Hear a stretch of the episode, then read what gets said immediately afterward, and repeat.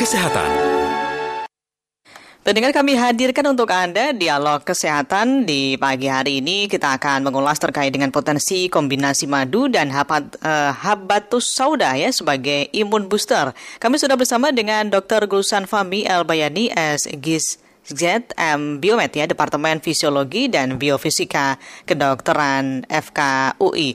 Dr. Gulsan, selamat pagi. Ya, selamat pagi. Salam sehat, dokter. Salam sehat. Baik, dokter, ini kalau kita bicara terkait dengan madu, kemudian juga habatus sauda, ini kalau dari uh, ilmu kedokteran atau secara ilmiah, apakah memang ada penelitian yang mana ini bisa jadi imun booster, dok? Iya, betul. Jadi sebenarnya kalau masyarakat ya, kalau sering searching-searching atau browsing, memang penelitian-penelitian secara ilmiah memang sudah banyak sekali terbukti bahwa di masing-masing ya kita bicara dulu satu-satu ya yeah. baik itu madu madu sendiri ataupun habatus sauda sendiri gitu ya dia punya banyak sekali sifat-sifat yang nanti bisa meningkatkan kekuatan sistem imun kita ya hmm. dia punya sifat di antaranya anti radang ya kemudian antivirus anti mikroba dan salah satunya yang kita bisa fokuskan di sini adalah imunomodulatorik atau uh, dia bisa memodulasi atau mengatur ya okay. bagaimana sistem imun kita ini bekerja. Hanya ya, di sini ya. kita bisa fokuskan ya hmm. bagaimana kalau kita kombinasikan ya apakah ini punya efek yang uh, berpotensi ya uh, untuk lebih baik atau tidak ya uh, sebagaimana kalau misalnya pada dasarnya ya ilmu-ilmu kedokteran itu pada dasarnya kan selalu mengacu kepada yang namanya evidence evidence base ya yeah. bukti bukti di lapangan yang seperti apa.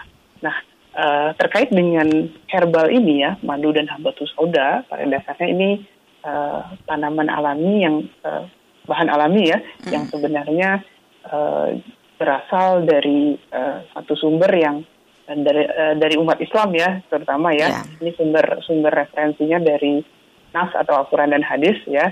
Ini uh, apa di mana dalam Al-Quran dan hadis sendiri dibuktikan bahwa keduanya ya di madu itu ada di, di Al-Quran surat Anhal, sedangkan di hadis pun ada di mana madu itu punya efek sendiri ya untuk bisa menyembuhkan uh, penyakit, sedangkan di habatus sauda sendiri uh, dalam hadis juga membuktikan bahwa dipercaya bisa mengobati berbagai macam penyakit.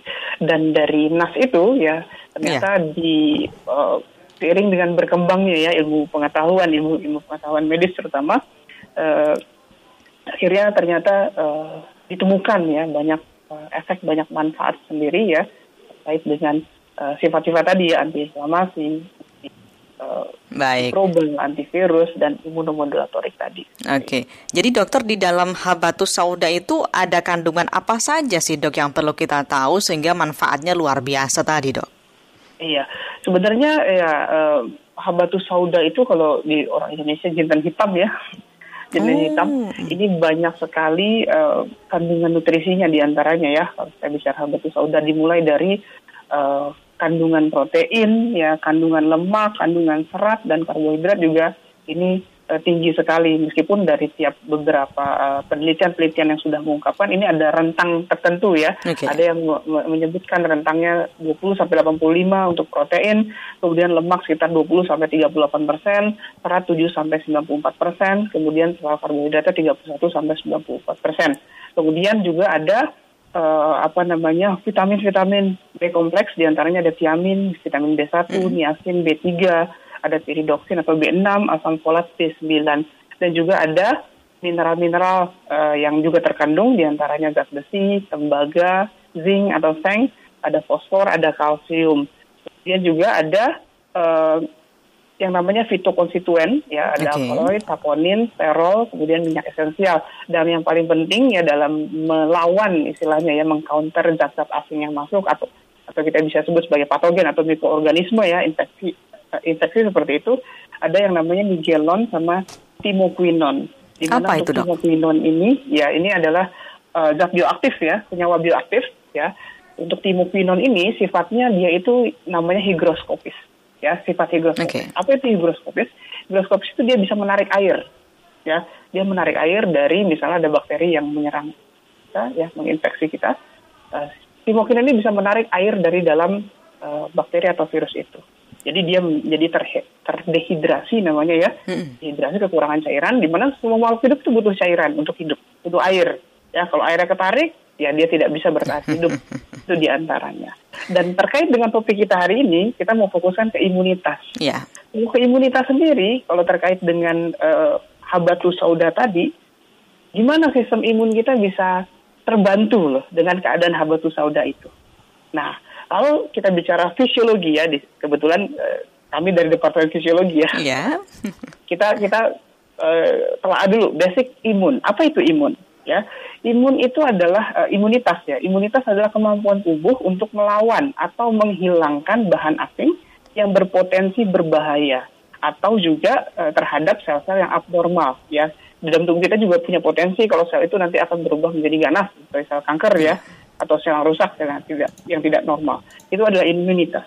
Dan yang paling penting ya sistem pertahanan yang paling penting adalah sistem pertahanan internal kita yang salah satunya diwakilkan oleh sel darah putih ya sel darah putih. Di mana sel darah putih ada banyak jenisnya, ada neutrofil, iya. eosinofil, basofil, monosit, kemudian ada limfosit yang terdiri dari sel B dan sel T. Mungkin nanti para pendengar juga bisa mendalami ya karena waktu kita singkat di sini ya. Betul, nanti kita bisa ngobrolnya lebih panjang lagi dengan uh, topik yang pastinya lebih detail lagi begitu ya dokter ya. Nah, uh. dokter, jadi kalau madu kemudian habatus sauda ini dikombinasikan jadi satu, akhirnya nutrisinya jadi lebih kompleks ya sehingga apa namanya yang kita konsumsi itu nutrisi-nutrisi yang sudah masuk ke dalam tubuh kita bisa memproduksi sel-sel imunitas, kemudian metabolisme tubuh kita ini akan menjadi lebih kuat ya dok ya. Betul sekali. Itu kita minumnya harus rutin atau bagaimana dok? Ya, itu minumnya diperlukan uh, apa namanya dengan dosis tertentu yang memang kalau kita bicara soal kalau dosisnya terlalu rendah, memang efeknya juga tidak akan bisa kita dapat ya. Mm-hmm. Atau misal kalau dosisnya terlalu tinggi, ya pasti ada efek-efek yang lain yang mungkin saja tidak kita inginkan. Uh, dan uh, konsumsi rutin itu sangat penting dan sangat dianjurkan. Ya, dalam agama Islam pun ya kita kembali lagi yeah. ke bagaimana uh, ini firman Allah ya atau, atau mungkin uh, bagaimana Rasul kita mengajarkan kehidupan yang baik, bagaimana mengatur pola hidup yang baik dengan teratur ya hal-hal yang berlebihan itu tidak baik. Atau mungkin dalam satu hadis juga pernah uh, uh, saya baca ya ketika ada seseorang datang kepada Nabi Muhammad kemudian berkata ada saudaraku yang sakit perut atau diare ya. Kemudian Rasul mengatakan bila dia madu. Orang itu pulang kemudian memberikan dia madu. Hmm. kemudian tidak lama berikutnya dia kembali lagi berkata ya Rasulullah ini madu tapi diarenya masih bertambah nih. Beliau, beliau, bersabda pulanglah kembali dan bila dia madu. Okay. Orang itu pulang pulang berikan lagi madu, balik lagi. Rasulullah ini tanpa parah gitu. Tetapi gimana Rasulullah? Rasulullah bersabda Allah maha benar. Sungguh ini kan firman dari Tuhan kita yang menciptakan ya. Tuhan yeah. kita memberikan info bahwa ini ada di, di madu ini ada hal yang bisa menimbulkan penyakit. Coba diberikan lagi yang ketiga karena perut saudaramu kemungkinan berdusta. Kemudian dia pulang, dikasih lagi madu untuk ketiga kalinya, ternyata orang itu akhirnya sembuh. Nah, dari sini kita belajar bahwa yang pertama ya, pemberian obat-obatan itu harus yakin dulu dari individunya. Ya, ya. jadi harus Individu yakin, percaya dulu gitu ya. Bahwa obat Karena termindset ya dok ya. Betul, mindset, kekuatan mindset itu penting. Yang pertama itu, itu obat ini yakin bahwa obat ini menyembuh, menyembuhkan. Kedua ada terkait dengan dosis tadi ya sampai tiga kali diberikannya gitu mbak ya tiga kali berikannya baru nanti di tengah-tengah bahkan ada efek bahwa dia bilang ini lebih parah loh ya Rasul gitu ya bahwa dari dalam perjalanan ya uh, si obat ini dalam mengantisipasi masalah yang dalam tubuh itu efeknya itu bisa saja nanti memberikan efek yang terlihat seolah-olah seperti seperti parah ya. Jadi dalam beberapa kajian disebutkan bahwa dari ketiga tahapan itu ya madu itu sifatnya membuang racun. Jadi yang pertama mengumpulkan dulu racun dalam tubuh, ya kemudian mencoba mengeluarkannya. Caranya gimana? Caranya dengan membuat diare itu lebih lebih tinggi intensitasnya. Okay. Kalau diare lebih tinggi, otomatis racun yang dibuang lebih banyak. Hingga okay. akhirnya yang ketiga, ini sudah maksimal dosis madu yang diberikan, barulah nanti kesembuhan insya Allah bisa dicapai seperti Oke, okay, yang terpenting nah. rutin, istiqomah, betul, begitu ya dokter ya? Betul, betul, betul. Dengan dosis yang tepat. Juga. Dengan dosis yang tepat. Nah dok, kalau misalkan kita punya komorbid nih dok, kita uh, mengkonsumsi madu dan juga habatus sauda ini apa nggak apa-apa? Atau mungkin ada efeknya atau aman-aman saja gitu dok? Oke, okay. dari beberapa penelitian yang diungkapkan, ya penelitian ini kan kalau kita bicara penelitian, dia itu melakukan riset itu menggunakan bahan yang asli dan bahan yang uh, istilahnya yang murni gitu ya seperti itu ya Mbak ya. Jadi yang pertama ya kita harus memastikan juga yang kita konsumsi ini benar madu murni dan habatus sauda murni. Itu yang sulit kita temukan di masyarakat. Kadang-kadang kita dapat madu yang sudah dicampur misalnya dengan perasa atau gula ya seperti itu ya Mbak atau habatus soda yang memang juga sudah dicampur. Jadi pentingnya kita bisa membaca label makanan ya, membaca label makanan melihat uh, komposisi atau melihat membaca kandungan apa di dalamnya itu penting. Ketika kita mengkonsumsinya, yang pertama adalah benar-benar bahan bahannya bahan murni, ya madu murni, habatus sauda murni atau jinten hitam murni. Insya Allah dari hasil penelitian ini uh, tidak ada efek samping yang berarti. Ya tidak tidak ditemukan efek samping yang berarti. Atau mungkin uh, kita harus juga memastikan kalau kita beli sesuatu ya kita kita yakin produk produk ini prosesnya benar nggak? Kalau bisa kita bisa beli madu di pramuka di apa namanya di apa uh, yang yang uh, saya lupa tempatnya ya. Itu kita yeah. bisa lihat prosesnya. Prosesnya bagaimana uh, dari perkebunan madu ya dari peternakan madu ya madu uh, memproduksi madunya itu sendiri langsung dikemas ke dalam ke dalam kemasan. Insya Allah ketika itu bahannya murni asli uh, dalam beberapa penelitian tidak ditemukan uh, apa namanya efek samping efek ya. Samping, nah, iya, betul. Dokter, jadi kan biasanya kalau kita uh, pengen sehat minumnya madu yang murni, tapi kan kadang juga ada yang dicampur-campur ya, Dok ya. Kita nggak tahu ini apakah memang ini kandungannya betul-betul murni atau ada tambahan-tambahan apa gitu, Dok. Iya, betul. Itu yang perlu diantisipasi. Memang uh, bagaimana uh, apa ya literasi ya masyarakat iya. terhadap ya. bagaimana memilah milih produk yang akan dia konsumsi itu penting. Ya di antaranya yang pertama, yang paling mudah adalah membaca label. Ya, okay. di setiap uh, produk ya yang terstandar ya yang terstandar produk SNI biasanya memang harus menyertakan label ya label apa uh, kandungan di dalamnya dan juga biasanya sudah tersertifikasi sudah ada uh, misalnya uh, nomor sertifikat dari Badan POM dan sebagainya dan sebagainya itu poin juga yang perlu diperhatikan dan yang ketiga kita juga kalau misalnya ini industri rumah tangga nih di rumah tangga kan kita setidaknya ya bisa lah tidak berkunjung ke sana bagaimana tahu prosesnya dan memastikan setidaknya ini adalah benar-benar menggunakan bahan alami yang murni seperti itu. Oke. Okay. nah, mudah. dokter, eh, lebih baik kita mengkonsumsi rutin air putih atau lebih baik madu ini dengan habatus sauda dicampur kita konsumsi tiap hari?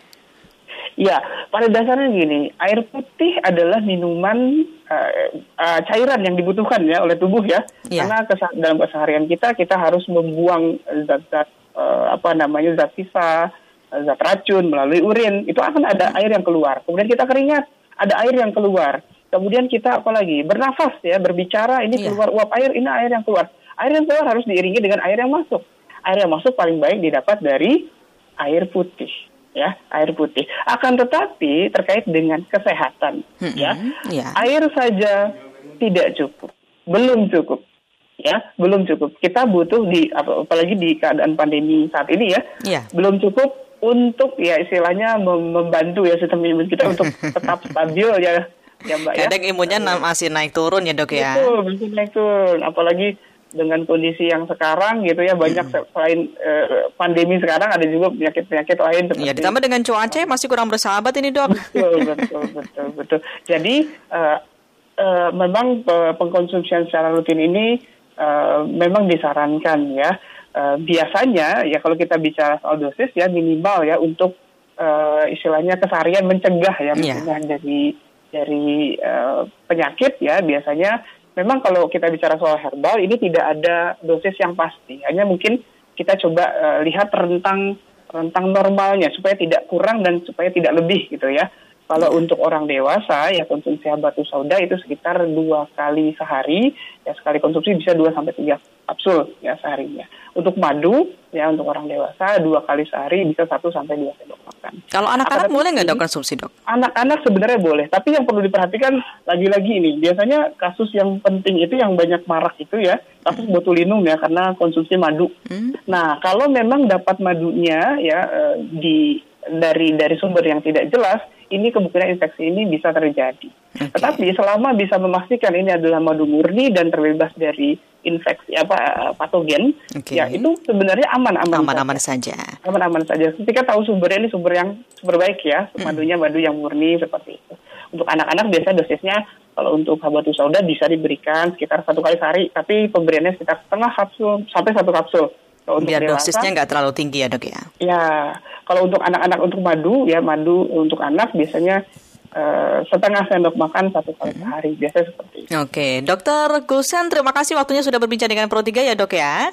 Nanti kita ngobrol-ngobrol lagi di, di lain kesempatan. Terima kasih Dokter Gulsen, selamat pagi, salam sehat dokter. Salam sehat. Dr. Gulsan Fahmi El Bayani, SKZ M dari Departemen Fisiologi dan Biofisika Kedokteran dengan tema kita di pagi hari ini adalah potensi kombinasi madu dan habatus sauda sebagai imun booster.